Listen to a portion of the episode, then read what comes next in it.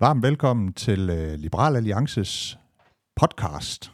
Øh, både velkommen til dem, der måtte øh, lytte og se med, og også varmt velkommen til dig, Kåre.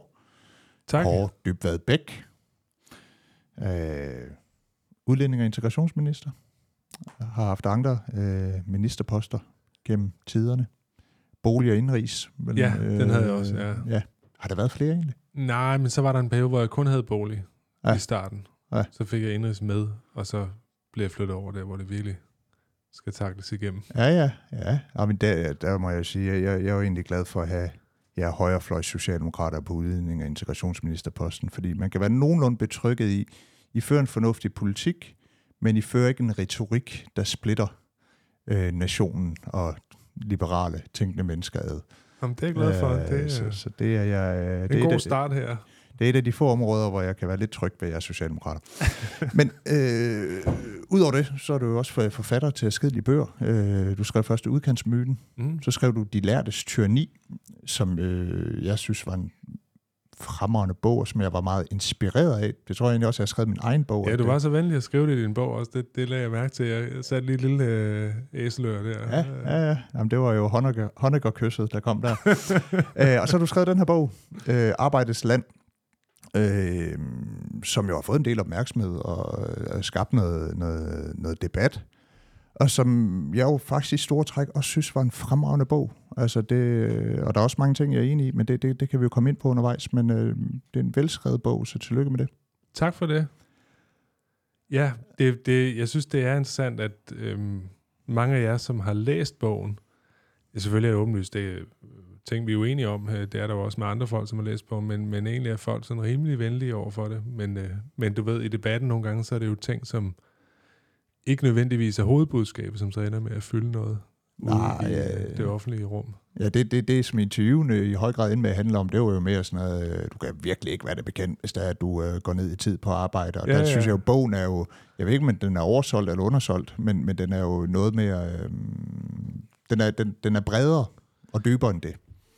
Ja, altså det er jo, hvis jeg bare sådan skal forklare øh, for dem, som ikke når igennem den, så, så, så er det jo, kan man sige, to store bidder, øh, hvor den ene bid handler om, hvad er det for et samfund, øh, vi har, øh, og hvorfor jeg mener, at det samfund, velfærdssamfundet, er skabt på, en, på, en, på et ideal om, at man går på arbejde. Og hvis ikke man gør det, så kan man ikke have den type af samfund. Og der går jeg ligesom tilbage i historien, prøver at sige, hvor kommer det fra. Og så den anden del, det handler om den debat, der er i dag. Altså, øhm, fejrebevægelsen, øh, muligheden for, øh, eller det tryk, der er imod arbejdet sådan i anseelse, Mm. øh, også omkring boligpriser og det at tjene bolig, eller penge på, på, på bolig og så videre, uden at man nødvendigvis laver noget øh, for det.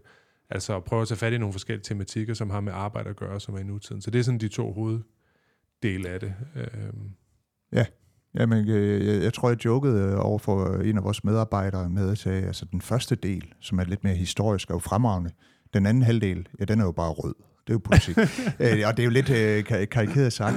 Men, men, men noget af det, som, som slog mig nogle gange igennem bogen, det er jo, at øh, og det, som har været debatteret mest, så kan vi altid vende tilbage til nogle af de andre pointer i bogen, men, men det er jo den her, øh, hvad skal man sige, advarsel mod øh, det, som man kan sige er i tidsånden, mm. at, at der er sådan en som øh, hvad hedder hun, Maj My, der træder frem med Ærø-manifestet og siger, nu skal vi træde ud af hamsterhjulet, og vi skal dyrke vores egen grøntsager, mm. og øh, ikke arbejde så meget. Øh, og der er jo også øh, flere, øh, øh, jeg har sagt unge møder, møder til småbørn, der gerne vil gå lidt ned i tid i perioder, og, og, og der har også været hele den der bevægelse med, at øh, hvis nu du sparer tilstrækkeligt meget op, så kan du pensionere dig ret tidligt.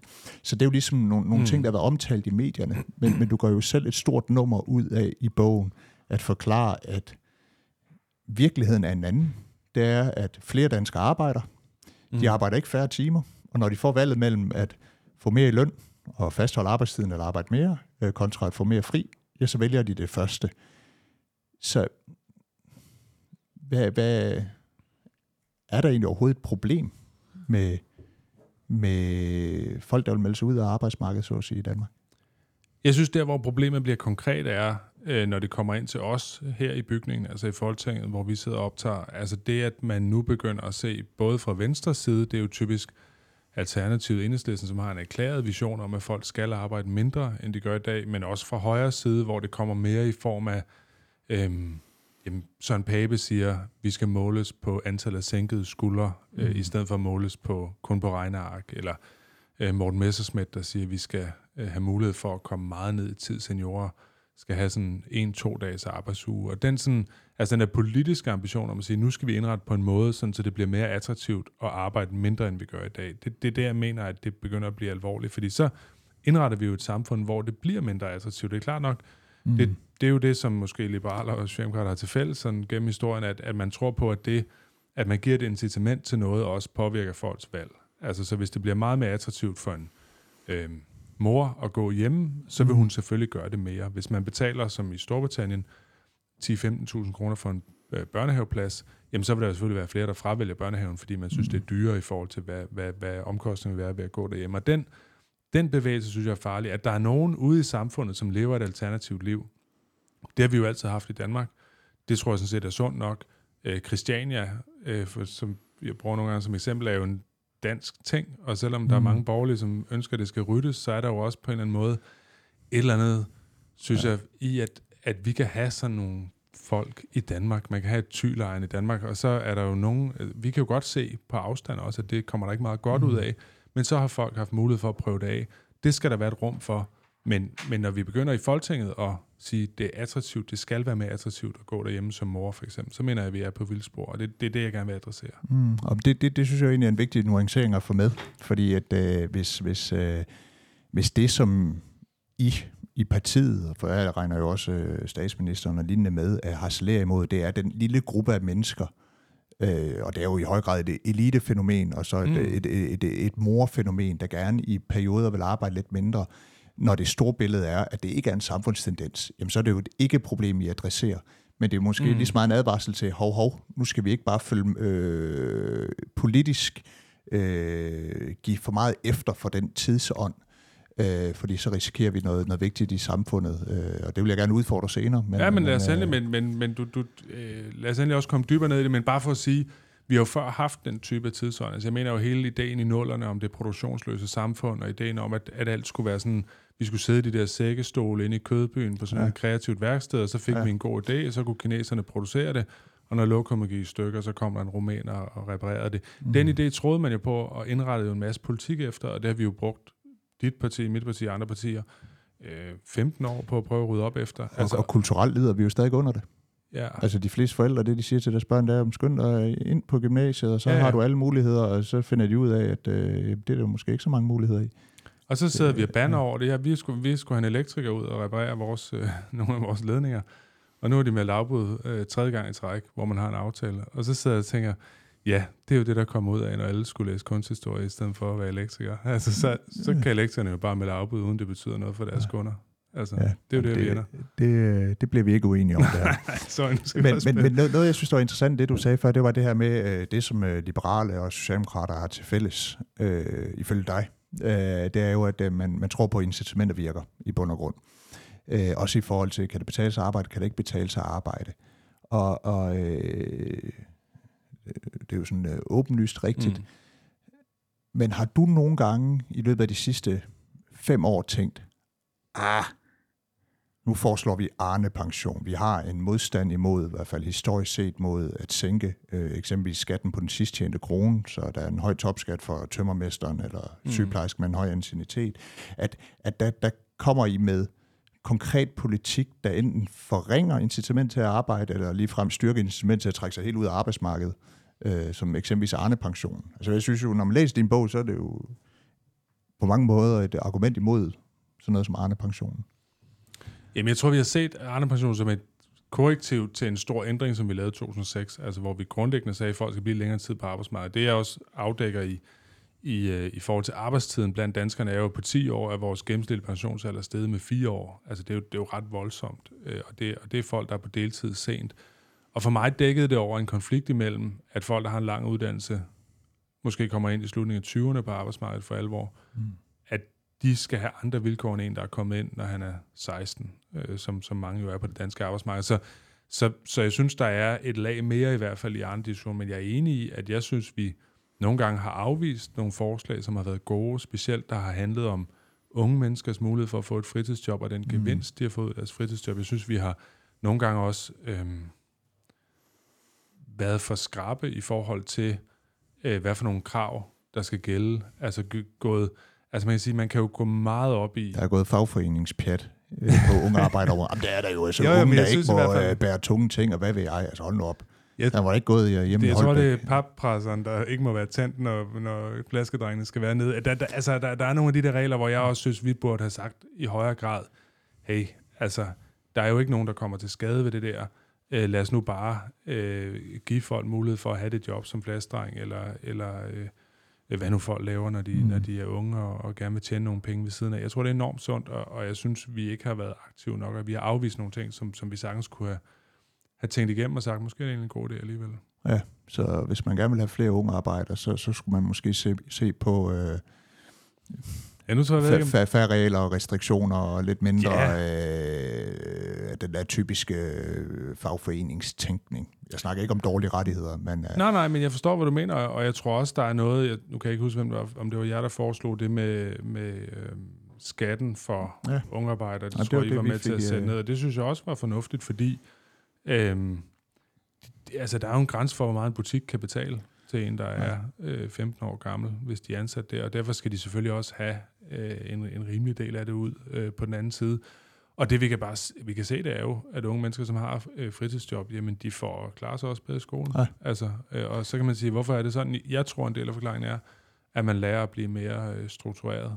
Øhm, og Mathias, min Tesfaye, min kollega, sagde på et tidspunkt det der med, at grund til, at han gerne ville ud og arbejde tidligt, det var fordi, at det var ligesom ægte. mm, Altså meget af det, der foregår i skolen, er på en eller anden måde, det er jo noget, der er imiteret i forhold Mhm. til noget rigtigt. Når du er ude, så skal du levere, så er, du, så er der friktion, altså så, så er det for alvor. Ikke? Og, det, og det tror jeg egentlig, der er mange unge, især øh, drenge, men også øh, piger, som, som synes er spændende, og som giver dem noget, øh, som de kan bruge andre steder. Og men det, øh, det er også en af de tematikker, jeg selv behandler i, i min bog, det her med sådan værdien af unge arbejde, og jeg tror lidt, jeg skrev det ind i en hyldest øh, til, til, til, til, til særligt Vestjylland og Jylland i, i det hele taget, og der er du jo også inde på det her med, Jo, jo. at der, der er nogle historiske rødder, der gør, at at jyderne har fået en anden selvstændighed, fordi at øh, jorden den var jo ligesom øh, tør og gold, og øh, vejrforhold var nogle andre. Og, øh, Jo, men også det, nu, nu er det måske for meget, men en helt stor udredning, men også det grundlæggende, at selv i de dele af Jylland, hvor der var frugtbar jord, altså Østjylland og Vendsyssel og andre dele, øhm, der havde man et, et herregårdssystem. Herregårdene Mm. mm. bestemte over bønderne. Det var jo umenneskeligt efter vores tidsstandard, selvfølgelig åbenlyst. Men derover der havde man det princip, at ja, det indtjeningssystem, at man beskattede øh, bønderne. Så hvis bønderne klarede sig godt, jamen, så fik man simpelthen flere skatter ind. Og det gjorde, at man havde et incitament til at lade dem også udvikle sig, hvor på Sjælland øh, og øerne, der havde man et system, hvor at man bare skulle trække så meget arbejdskraft ud af den enkelte bonde som muligt. Så man havde Mm. mm. intet øh, incitament til, at de skulle klare sig godt. Og det gjorde simpelthen, at de her bønder blev mere ligeglade med alting, hvor de jyske bønder og de fynske generelt er meget mere selvstændige og, og har en, en helt anden opfattelse af, hvad deres eget ansvar er. Ja, Og det, ja, det synes jeg bare, og, det er og, en og, god og, pointe. Og man kan jo se det i statistikkerne, ikke? Altså, hvor er sygefraværet er lavest? Øh, jamen, det er det i højere grad i de dele af Jylland kontra øh, det, det, det, det sydlige øh, Sjælland, og, og det samme med sådan, øh, generelt i forhold til øh, mængden af førtidspensionister, eller hvor mange der er unge, der er i arbejde, og, så, og sådan kunne man jo blive ved. Hvor mange unge, der tager en uddannelse. Og det er jo interessant med, med hvordan øh, at, at sådan dybe historiske, kulturelle rødder kan påvirke os i dag, selvom at, øh, at vi jo ikke længere er et landbrugssamfund. Øh, og, og, og det er jo en af de ting, som, som jeg synes, du behandler meget godt i bogen. Øh, det er jo, hvordan den øh, protestantiske, lutherske øh, arbejdsetik har været med til at, at forme øh, ja, egentlig forudsætningerne for øh, det danske velfærdssamfund, og øh, selvfølgelig også vores, vores arbejdsetik. Og det kan være, du øh, kan sætte et par ord på det, øh, for dem, der ikke har læst bogen. Jo, men altså grundlæggende øh, kan man sige, øh, Max Weber, den store tyske sociolog, inddeler Europa i tre bidder. Øh, det ene, det er katolikkerne, dem er han ikke voldsomt pjattet med. Han mener ikke, de laver nok osv. De har ligesom en måde, de har indrettet velfærdssamfund i dag. Det er jo typisk meget vægt på familien, meget vægt på kirker osv., de institutioner. Så har man det sådan kalvinistiske Europa, som er Schweiz, Holland, Storbritannien, som er meget arbejdsom, og som ser rigdom som en eller anden form for et tegn på, at man er udvalgt. Altså, så, så det at være meget velstående, det, det er meget attraktivt. Det kan man Mm. se på sådan Donald Trump for eksempel, når han har et, et, øh, en guldlejlighed, og hans søn sidder oven på en udstoppet ja. løve, så det, det, det vil en dansk politiker jo aldrig Nej. kunne gøre. Øh, og så har du ligesom Nord, Nordtyskland og, og Norden, øh, vores øh, Skandinavien, øh, hvor at man er meget arbejdsom, men hvor man er meget skeptisk over for velstand. Mm. Altså, det, Og den det, der ydmyghed, ikke? Øh, jo, og man ser det ligesom... Jeg er lille, Gud er stor. Ja, ja, ja, og det er sådan det rene lutherske øh, aftapning, og den, øh, det, det er for mig at se grundlaget for vores velfærdssamfund mere end så meget andet, fordi på den ene side øh, er der en, en høj arbejdsmoral, hvad vi også ser i dag, på den anden side så er der også en skepsis over for den der alt for store personlige velstand. Altså så når vi har øh, rige personer i Danmark, som er, har meget stor respekt, så er det jo typisk sådan nogle, jeg beskriver Lars Larsen, mm. som så- sidder og spiser rundstykker fra Frost i hans parcelhus ja. i. Silkeborg, selvom han er milliardær. Ikke? Det, Ja, det er ikke sted ham til hovedet. Nej, nej, præcis. Og, Nej. og man kan jo se det i Matador, som mange af lytterne sikkert også har set. Altså, at Mads Skjern starter jo med at være helten i historien, fordi han gør op med de gamle øh, familiers øh, nedarvede privilegier. Øh, han er den, der bryder med alt det og skaber det moderne Korsbæk. Og så langsomt, når han bliver rigere, så bliver han mere og mere korrumperet mm. personligt. Fordi, og det, er- altså, Matador er en lignelse i, i protestantisk etik. Øh, og, og, og, og den samfundsform spørger Max Weber i 1905, siger, hvad, hvad, for en, hvad for en model kommer der ud af det her? Mm. Og det svarer man så på der i løbet af 30'erne, hvor svenske især økonomer ligesom siger, kan man lave en model, hvor vi, hvor vi sørger for, at folk kan få børn, mm. uden at der er en udgift eller en stor byrde forbundet med det. Og det, og det er det, der bliver skitsen til, til det, der bliver velfærdssamfundet senere. Altså at man har en meget stor udbygning af boliger, at man har lægehjælp, der er gratis, at man har skoler, mm. daginstitutioner, bedre skoler, egentlige daginstitutioner, hvor børnene kan blive passet, sådan så mor også skal komme ud på arbejde. Og de Ja. tre idealer, som er ligestilling på den ene side, som er velstandsfremgang, altså der skal flere ud og arbejde, så der kommer mere velstand, og så en, øh, sociale programmer, der på en eller anden måde udligner noget af det. Det, det er ligesom velfærdssamfundets træenighed. Og, og det, som du, som du gennemgår i bogen med, med myrdalerne, det er jo, at, at en stor motivation for udbygning af, lad os kalde det, den socialdemokratiske velfærdsstat, var jo egentlig at få flere i arbejde. Det var jo ikke bare øh, kun, at ah, du skal have øh, råd til at gå sådan, sende dine børn i en daginstitution. Altså det er jo lige så meget, jamen vi har en skattefinansieret daginstitution, så du kan komme ud og betale noget skat og, og tjene nogle penge. Men, Ja, men, men, jamen det, og, og, og, kampen, og i kampen med de borgerlige, er det i virkeligheden tit det argument, der vinder. Altså især de konservative prøver at sige, nej, den arbejdsomme, det er den, der er imod velfærdsstaten. Fordi velfærdsstaten gør folk dogne. Mm. Og Socialdemokratiet siger, nej, den arbejdsomme er den, der er for velfærdsstaten, for det er den, der gør, at folk kan komme ud og arbejde. Og det er ligesom, den, der vinder kampen om arbejde, vinder også øh, det politiske øh, debat. Altså den, den, der får lov at definere, hvad for et samfund, der er arbejdets samfund, det er også den, der, der får sådan i 60'erne i hvert fald den Ja. brede befolkning med sig. Og de sidste tre folketingsvalg er jo også i høj grad blevet afgjort af, af det der gule segment af arbejder. Jo, jo. Men, men, men det er jo en anden snak. Jeg, jeg vil gerne lige holde fast i det her med kristendom, fordi det, det, nu tager vi lige en afstikker der, så skal vi nok vende tilbage til, til, til nogle af bogens hovedpointer øh, tidligere, fordi nu har du selv fint redegjort for, hvordan det, at vi har de her protestantiske rødder kulturelt set i Danmark, at det påvirker ja, alt fra vores arbejdsetik til vores syn på de rige mennesker til udformning af velfærdssamfundet. Og det er jo noget, jeg selv også øh, med tiden jo har fået større og større blik for, hvordan øh, at den kristne kultur er, er forudsætning for øh, liberalismen. Og det er jo også øh, sådan øh, en af, en af flere øh, kulturelle forudsætninger for, at et liberalt samfund vil kunne fungere. Altså du kan ikke have en, en, en, en lille stat og få regler og lave skatter, hvis ikke der er en høj moral blandt befolkningen. Mm. Og, og lidt af samme grund er det jo ikke nogen tilfældighed, at stort set alle liberale nationer i verden, jamen, de har kristne rødder. Men det, det er ikke så meget det, jeg vil spørge ind til. Det er bare mere, se i lyset af, at både du og jeg på hver vores måde kan se betydning af øh, vores, vores kristne rødder mm. på Mm. forskellige måder. Hvad tænker du sådan helt generelt om, at vi i en moderne tid i højere og højere grad lever i et samfund, hvor, hvor, hvor, hvor kristendom fylder mindre og mindre? Altså, hvad, hvad, kan, kan, kan du se det nogle steder i samfundsudviklingen, at der, at der er noget, vi er ved at, at, øh, at miste, at der er noget, der er ved at forsvinde der, eller er det ikke noget, du sådan tænker så meget over, når du ikke skriver den her bog?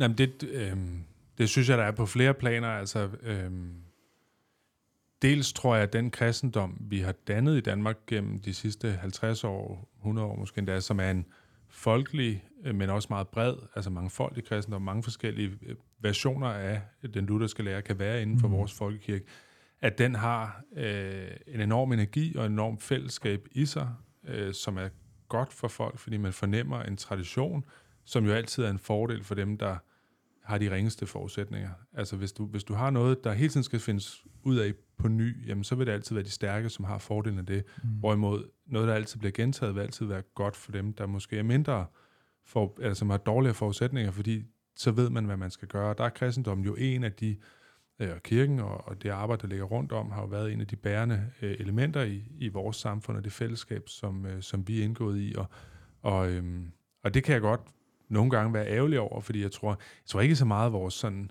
det om man går på arbejde og så videre, har ikke så meget at gøre med ens tro på den måde. Mm. Altså det, det ligger mere sådan kulturhistorisk og dybere tilbage.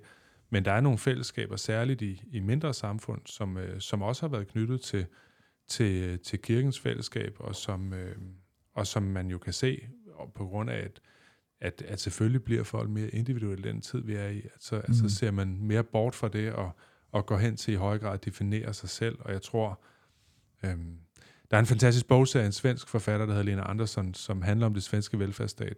Der er en, der hedder Svea Søn, som er den første, og der formulerer ham her velfærdsmandens hovedperson, han formulerer sådan en regel, som hedder, at jo mere øh, frihed, der bliver givet til den enkelte, jo større indre styrke kræver det.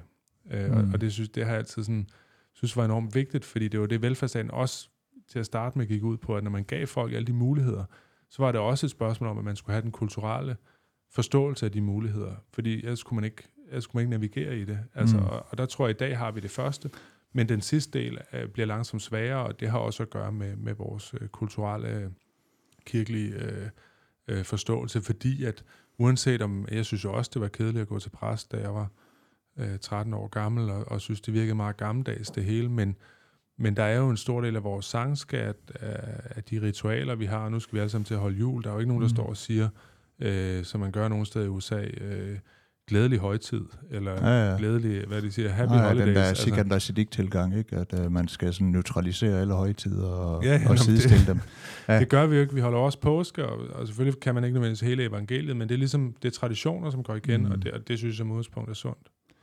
Ja, det er et emne, jeg har, jeg har lyst til at dykke meget mere ned i, fordi det er noget, der interesserer mig. Men jeg kan se, at tiden flyver afsted, og, og, og øh, vi skal jo også nå øh, forbi... Øh, øh, gå lidt dybere ind i bogen, øh, og vi skal nok også komme til øh, der, hvor jeg er rygende uenig med dig. Men, men inden da, så, så, så har jeg jo tænkt meget over, at, at den problemstilling, som du skitserer, at der er en tendens til, at, at, at, at at flere danskere er vokale om ønsket om at arbejde mindre, enten fordi de vil pensionere sig før tid, eller de vil gå mere hjemme, når, når børnene er små, eller de heller vil øh, tjene pengene på øh, passiv indkomst, så at sige, mm. frem for, for, for arbejde. Altså, er vi ikke ved at være der, hvor velfærdsstatens succes er det, der fører til dens undergang? Forstået på følgende måde, at nu er vi blevet så velstående som samfund. Du vil som socialdemokrat formentlig påstå, at det skyldes blandt andet, at vi har øh, en stor offentlig sektor, at vi har en, en, en velfærdsstat. Og det forhold, at vi er blevet så velstående, ja, det gør, at der er nogle andre behov end de rent materielle, der træder i kraft, og derfor er der et ønske om at arbejde mindre. Det, det er sådan den ene udfordring. Den anden udfordring er, at vi er jo også ved at blive for rige og forvente til at acceptere øh, middelmodige kasseløsninger og samlebåndsløsninger, der kommer ud af den mm. offentlige sektor. At folk i højere og højere grad vil tilkøbe private forsikringer, tilkøbe ekstra velfærd, fordi mm. de har råd, fordi de forvante. Så den, den succes, som velfærdsstaten har været, og den velstand, det har medbragt sig, det gør nu, at folk er et andet sted, og hvor du så står i hjørnet og råber, nej, nej, I skal blive ved med at leve, som om vi var i 70'erne. øhm, jeg er enig med dig i, at det er en indtil videre uløst udfordring i velfærdsstaten, øh, at selvfølgelig forventer vi bedre service i takt med, at vi bliver rigere i vores privatliv. Så den, der arbejder... Da jeg voksede op i Vestland, der arbejdede folk på Carmen Curlers, øh, det kan man se i fjernsynet, øh, der fik de øh, KAD's mindsteløn. I dag ligger der en lige så stor arbejdsplads øh, i Kalundborg, samme sted, øh, som øh, hedder Novo Nordisk, hvor folk starter på 45.000 øh, i startløn. Altså, det er ikke de samme mennesker, men, men det er det samme billede, det samme landsdel, det er samme del af, af vores samfund, som nu får en markant højere løn, har meget bedre forbrugsmuligheder. Og det, der er problemet, er jo, hvis man skal bruge et billede fra transportverdenen, så kan man sige, det bedste tog, man kan køre med hos DSB i dag, det er IC3-toget. Det blev introduceret i 1989. Men årets bil i 1989, det var en Fiat Tipo, den der grå, øh, som mange kan huske, sådan lidt med sådan en spids næse. Hvis der var nogen, der tilbød mm. en øh, et lift med en Fiat Tipo i dag, så ville man jo synes, det var morsomt, eller nærmest sådan en veteranbiloplevelse. Ja. Og der er forskellen jo bare, at i dag kan man købe en koreansk bil med syv års fabriksgaranti for 100.000, ja. men du bliver stadig taget op med DSB. Og det ja. problem, hvis det ligesom breder sig til den offentlige sektor som helhed, hvad jeg ikke mener, det er nu, men hvad, men hvad der er en risiko for, det er så er det på klart. vej til det, ikke? Så, jamen, nogle steder altså, er, er det... Ja. Er, altså, jeg, jeg kan jo se... Altså, min morfar gik øh, hver anden dag i skole i Vestjylland. Øh, ikke stråtæk, men altså i den stil der, ikke? Øh, lærte kun det allermest basale. Min mor gik på velfærds... Øh, altså sådan det første forstadsskole i Horsens, hvor du havde gymnastiksal. Og jeg gik på velfærdsstaten, sådan en fuldt udviklet skole med idrætshaller og fysiklokaler og alting. Når jeg går ned med min dreng i skole, det er jo det samme tilbud. Mm. Det har jo ikke, det, det generationelle hop, der er sket fra min morfar til min mor, som skete fra min mor til mig, øh, det er ikke været der de sidste 30 år. Og det, ja. det er klart, på et tidspunkt begynder folk at reagere på det, og så er der nogen, der siger, det her er for dårligt. Det jeg gerne vil kalde ud i denne her debat, og som jeg er frustreret fordi jeg har sådan set respekt for, altså det du skriver i din bog, om at der er noget sundt ved at arbejde, at det er sundt også at have nogle pligter og noget, som man på en mm. eller anden mm. måde er, er hjemme i og forstår, og dermed også kan bygge sit liv ud fra. Det mener jeg er en sund liberal tilgang, men jeg har sådan set også respekt for, hvis man som liberalt parti siger, vi vil ikke have den her velfærdsstat. Den skal være mindre, markant mindre, end den er i dag. Og vi synes heller ikke, at der skal være nogen... Altså, vi skal slet ikke diskutere folks arbejdstid, for det er i sidste ende fuldstændig folks eget valg. Det synes jeg jo er en konsistent holdning. Mm. Det, jeg ikke kan være i, det er, hvis der er borgerlige, som siger, vi vil blive ved med, vi vil ikke fortælle, at der skal spares noget som helst i det offentlige. Der må ikke mm. spares 40.000 i det offentlige, som var diskussionen ved sidste folketingsvalg. De skal blive der alle sammen. Men samtidig så skal det være muligt for mor at gå derhjemme i mange år efter hun har født, efter hun har født børn.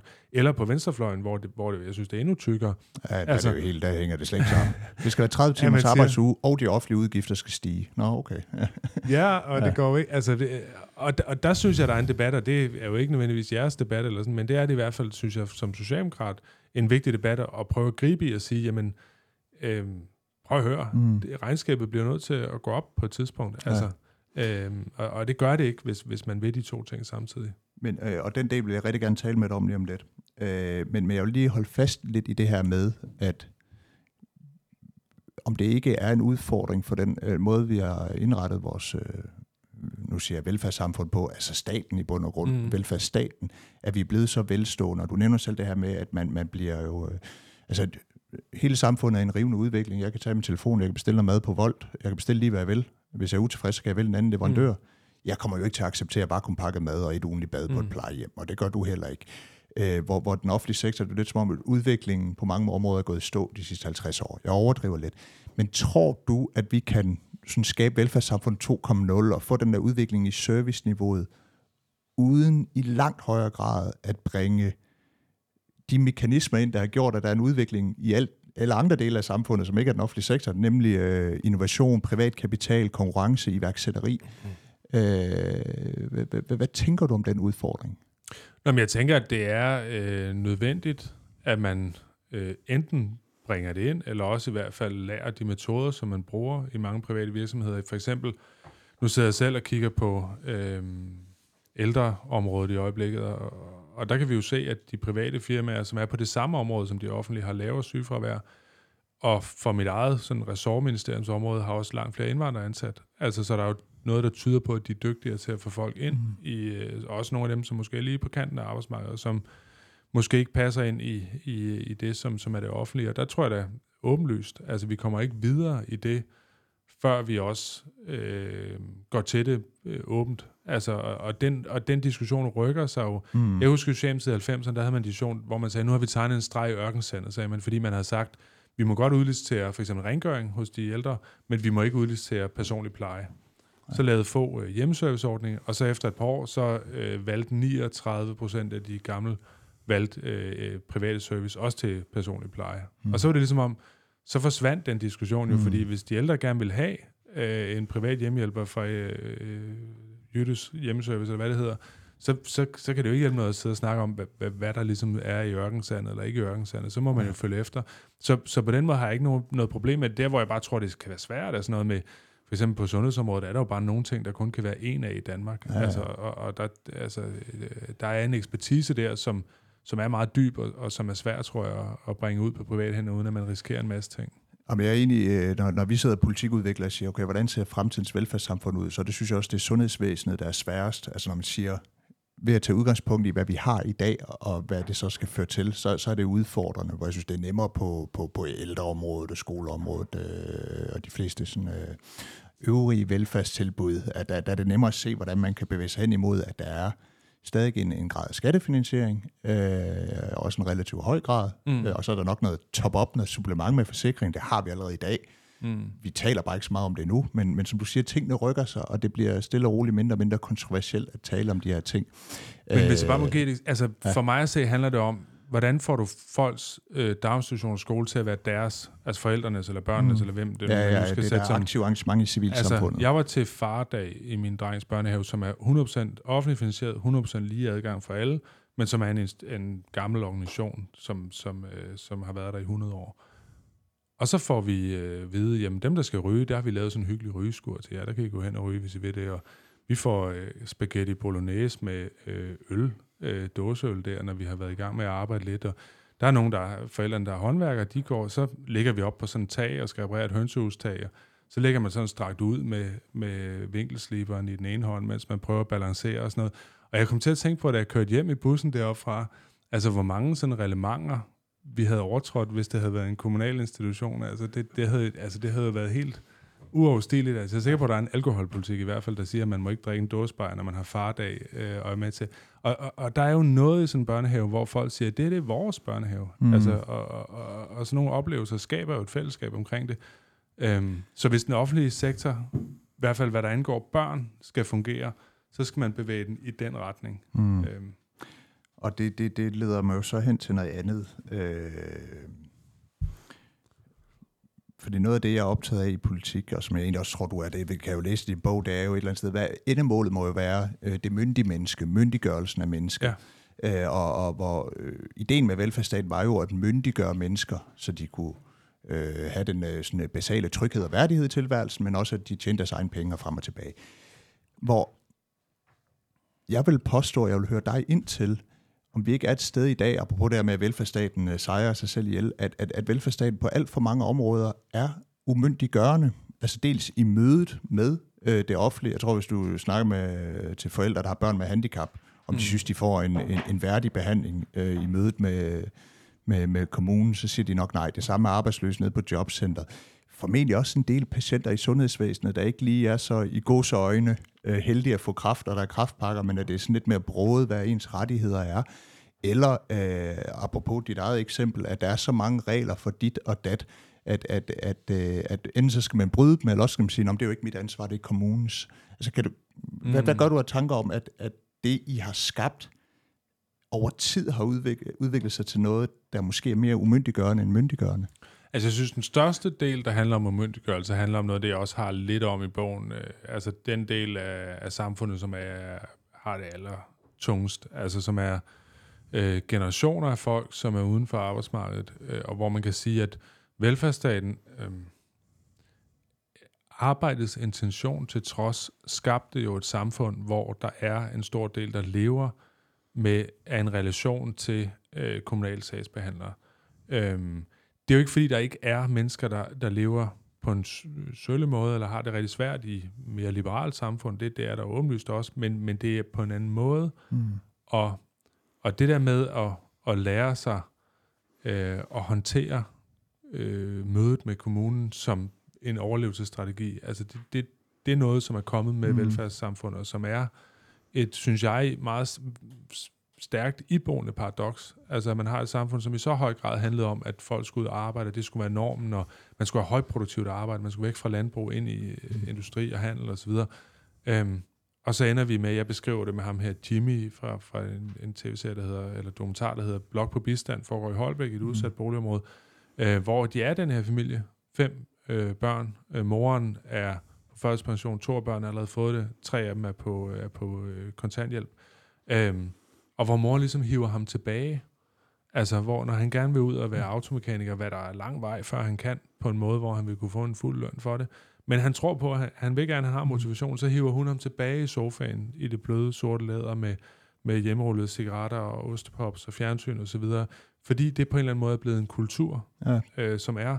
Du har også øh, i din bog en beskrivelse af en kvinde fra Ballerup, så vidt jeg husker, som også på en eller anden måde er endt med ikke at have muligheder i sit liv. Ja, det altså, er, jeg, jeg tror, jeg kalder det åndelig fattigdom. Øh, Ja, det kan man også kalde det.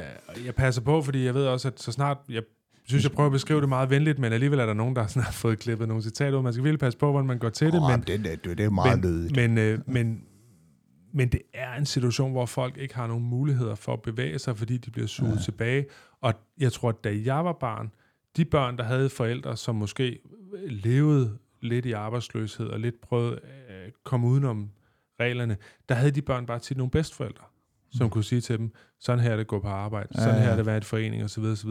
Men nu er vi et sted, hvor, hvor det for nogle er flere generationer, og de kommer ingen vejen i et Ja. uddannelsessystem, som siger, I skal øh, have en akademisk uddannelse, eller I skal have en studentereksamen, Mm. eller sådan noget. For dem handler det om at komme et sted hen, hvor man kan passe et almindeligt arbejde. Ja. Og, og den del af uddannelsessystemet har bare været overset. Altså, Ja, ja, og det, er jo- det er jo den type børn, der bliver svigtet allermest af at have en folkeskole, som er alt, fokuseret på, alt for fokuseret på abstrakte krav og tværfaglighed og Ja. gruppearbejde og hvad ved jeg. Der, der, der ved jeg også, at vi er enige, og bare en enkelt kommentar til, til det, du skitserer her. Det, er det er jo et problem, vi ikke har løst, men det er jo ikke et nyt problem. Altså jeg tror også, du refererer til Rit Bjerregaard, hvordan hun også advarer Ja. ja. imod øh, den risici, der ligger indbygget i at have en, en gavmild velfærdsstat.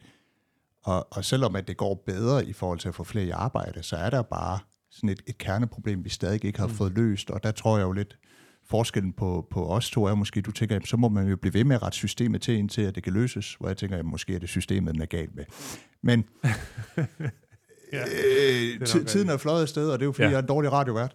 Øh, vi skal så også nå øh, nogle af de ting, hvor, hvor, hvor jeg blev noget provokeret af din bog, mm. i stedet for øh, de her lidt mere bløde ting. Fordi der, der hvor jeg øh, bliver mest provokeret af din bog, og det er nok også det, som øh, andre har oplevet i den offentlige debat, det er jo, at du sådan flere steder øh, fremhæver nogle eksempler på nogen, der, der vælger øh, at arbejde mindre, er egentlig selvforsørgende. De er ikke på offentlig forsørgelse, men så har de jo gjort i løbet af deres liv gjort brug af, af, af velfærdsstatens ydelser.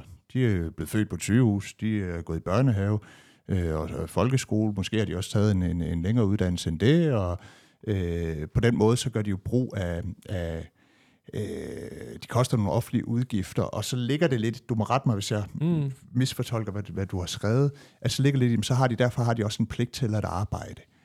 Og det er noget, der virkelig provokerer mig, fordi jeg har det sådan, de har jo ikke mulighed for at fravælge de der ting. Du går jo ikke ind for at afmontere den universelle velfærdsstat, eller sige til folk, når de fylder 18 år, hov, vil du skrive under på en socialdemokratisk samfundskontrakt med 50% skat, og alt er offentligt finansieret, eller vil du skrive under på den liberale samfundskontrakt? Du vil tvinge folk til at tage imod fra den offentlige sektor. Det kan nærmest ikke fravælge det. Og så skal de stå i sådan en evig taknemmelighedsgæld til den store socialdemokratiske velfærdsstat. Det provokerer mig. Mm. Og det, Ja. det må jo også være det, du har mødt i den offentlige debat i øvrigt, tænker jeg. Øh, ja, det har også været sådan noget med daginstitutioner og nogle andre ting, men, men øh, som, som egentlig ikke øh, fylder voldsomt meget. Men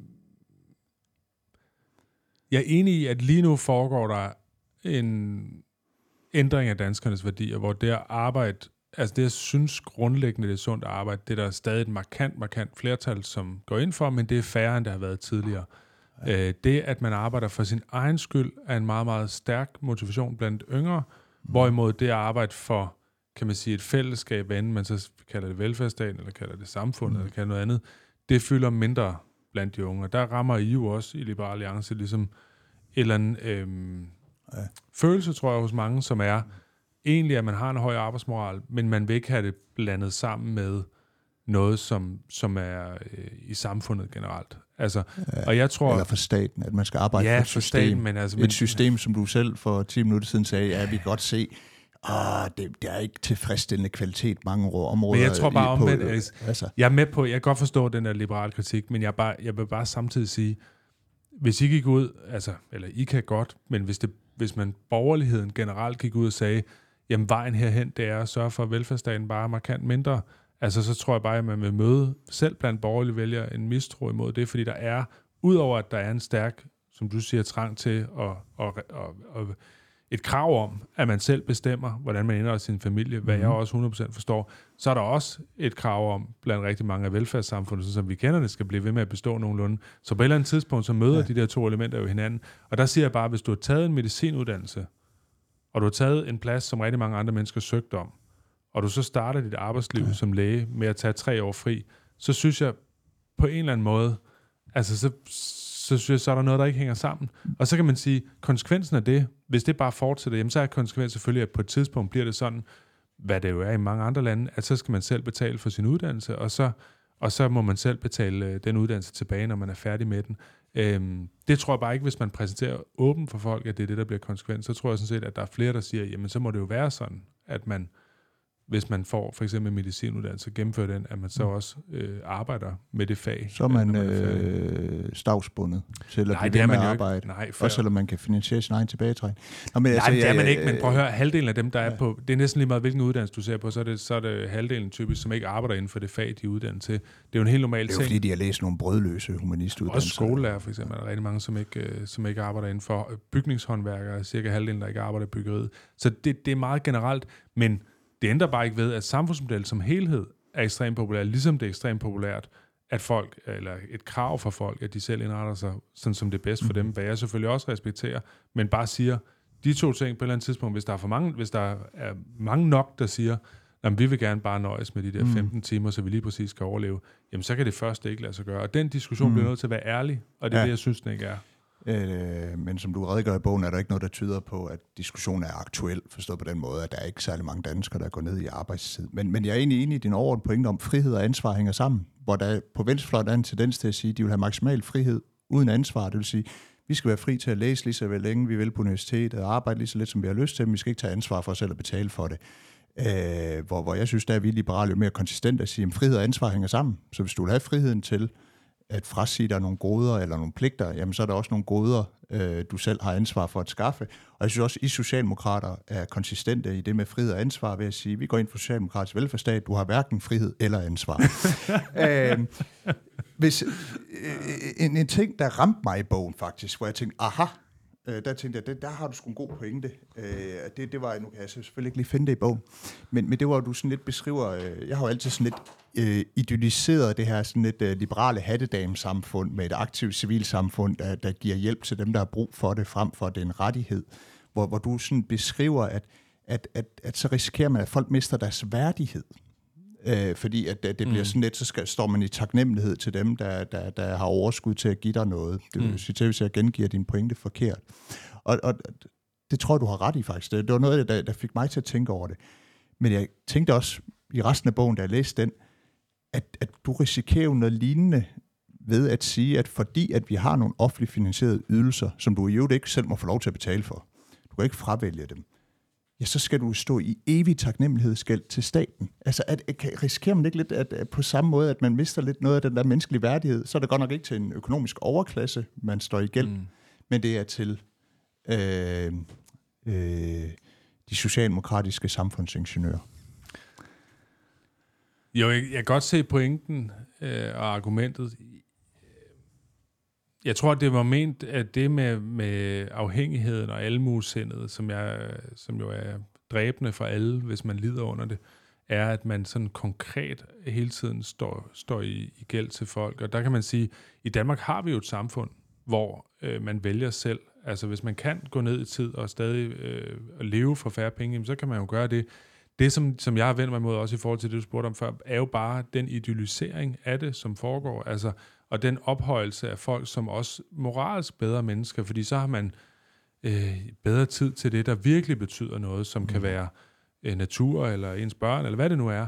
Men det er, altså, øh, jeg tror bare for mange mennesker er arbejdet også det, der virkelig betyder noget. Det synes jeg, altså, jeg synes, der bliver talt ned til det, øh, og så øh, er det rigtigt nok, at selvfølgelig er der også en risiko i velfærdssamfundet som helhed, for mm. at få præcis den der mentalitet. Det er jo både i blokken på bistand, men det er jo også i en række andre sammenhæng. Øh, det er derfor, jeg mener, at de der klare rettigheder og klare pligter er, er ligesom den bedste måde at håndtere det på, fordi det er også til at gå til for, for de fleste. Tiden den er ved at smuldre for os, og vi er jo slet ikke noget at, at tale om uh, boligmarkedet, som jeg synes er enormt Nej, spændende, fordi ja. jeg synes, jeg er faktisk enig i den problemstilling, du skitserer. Jeg har bare svært ved at se løsningerne. Og vi har heller ikke haft tid til, at jeg kunne harcelere imod din uh, uh, politiske modstand imod, at uh, folk kan tjene penge på, på kapitalafkast. Men hvis du har to minutter mere, så er der en enkelt ting, Ja. jeg lige vil uh, runde her til sidst. Uh, det er de ting, du er inde på omkring uh, pseudoarbejde. Hvordan det, det, det, det, det uh, ligesom har udbredt sig i vores samfund, og det er jo både i private sektor mm. og øh, øh, i det offentlige, så det er ikke sådan en, øh, det er ikke, en- det er ikke jeres skyld. Øh, men tænker du ikke, at hvis tendensen er, at, at, øh, at øh, flere unge overvejer lidt, at det overhovedet, giver det overhovedet mening at, at have et langt arbejdsliv med mange arbejdstimer, tror du ikke, at pseudoarbejde måske er den helt store forklaring på det? Jo, altså det er i hvert fald en, en meget væsentlig forklaring på, altså, øhm, Søvdarbejde-bogen står der en sætning, som jeg synes i virkeligheden opsummerer bedre end, end noget andet. Der står, øhm, man kan få stress af at have for meget at lave, men man kan også få stress af ikke at vide, hvor det, man laver, peger hen af. Og det er det for mig, altså når studerende, som har et studiearbejde, er mindre stresset end studerende, som ikke har et studiearbejde, så tyder det på, med al respekt for, for, for folk, der har øh, haft stress, at det ikke kun handler om antallet af timer, Nej. men det handler også om den mening, der ligger, og, og at man kan se, hvor det hele peger hen af. Og søvdarbejdet, øh, både i den offentlige sektor, men, men selvfølgelig også meget de, de private sektorer, hvor man finder det, er jo med til at ødelægge folks mening, og meget af det, hvad jeg ikke tror, vi er så uenige om, skyldes jo den måde, vi indretter uddannelsessystemet på, hvor vi også mm. har leveret rigtig mange øh, generalister, som, som så kommer ind i nogle stillinger, der måske er lidt svære at definere opgaverne hos, og så opstår der en masse øh, rundt om. Øhm, og det er, øh, altså, jeg prøver altid at sige det i ministeriet, når jeg har sådan noget personaledag, øh, så siger jeg altid til dem, husk nu, altså, lad være med at sidde om aftenen med jeres computer, altså hold nu fri, når I holder fri. Altså, og, øh, fordi, Hvad siger du? Jamen, jeg synes, jamen, det er jo, der er jo mange, øh, der er ansat i ministerierne, som virkelig altså, øh, sidder og kigger mail og Mm. sidder og holder øje. Simpelthen.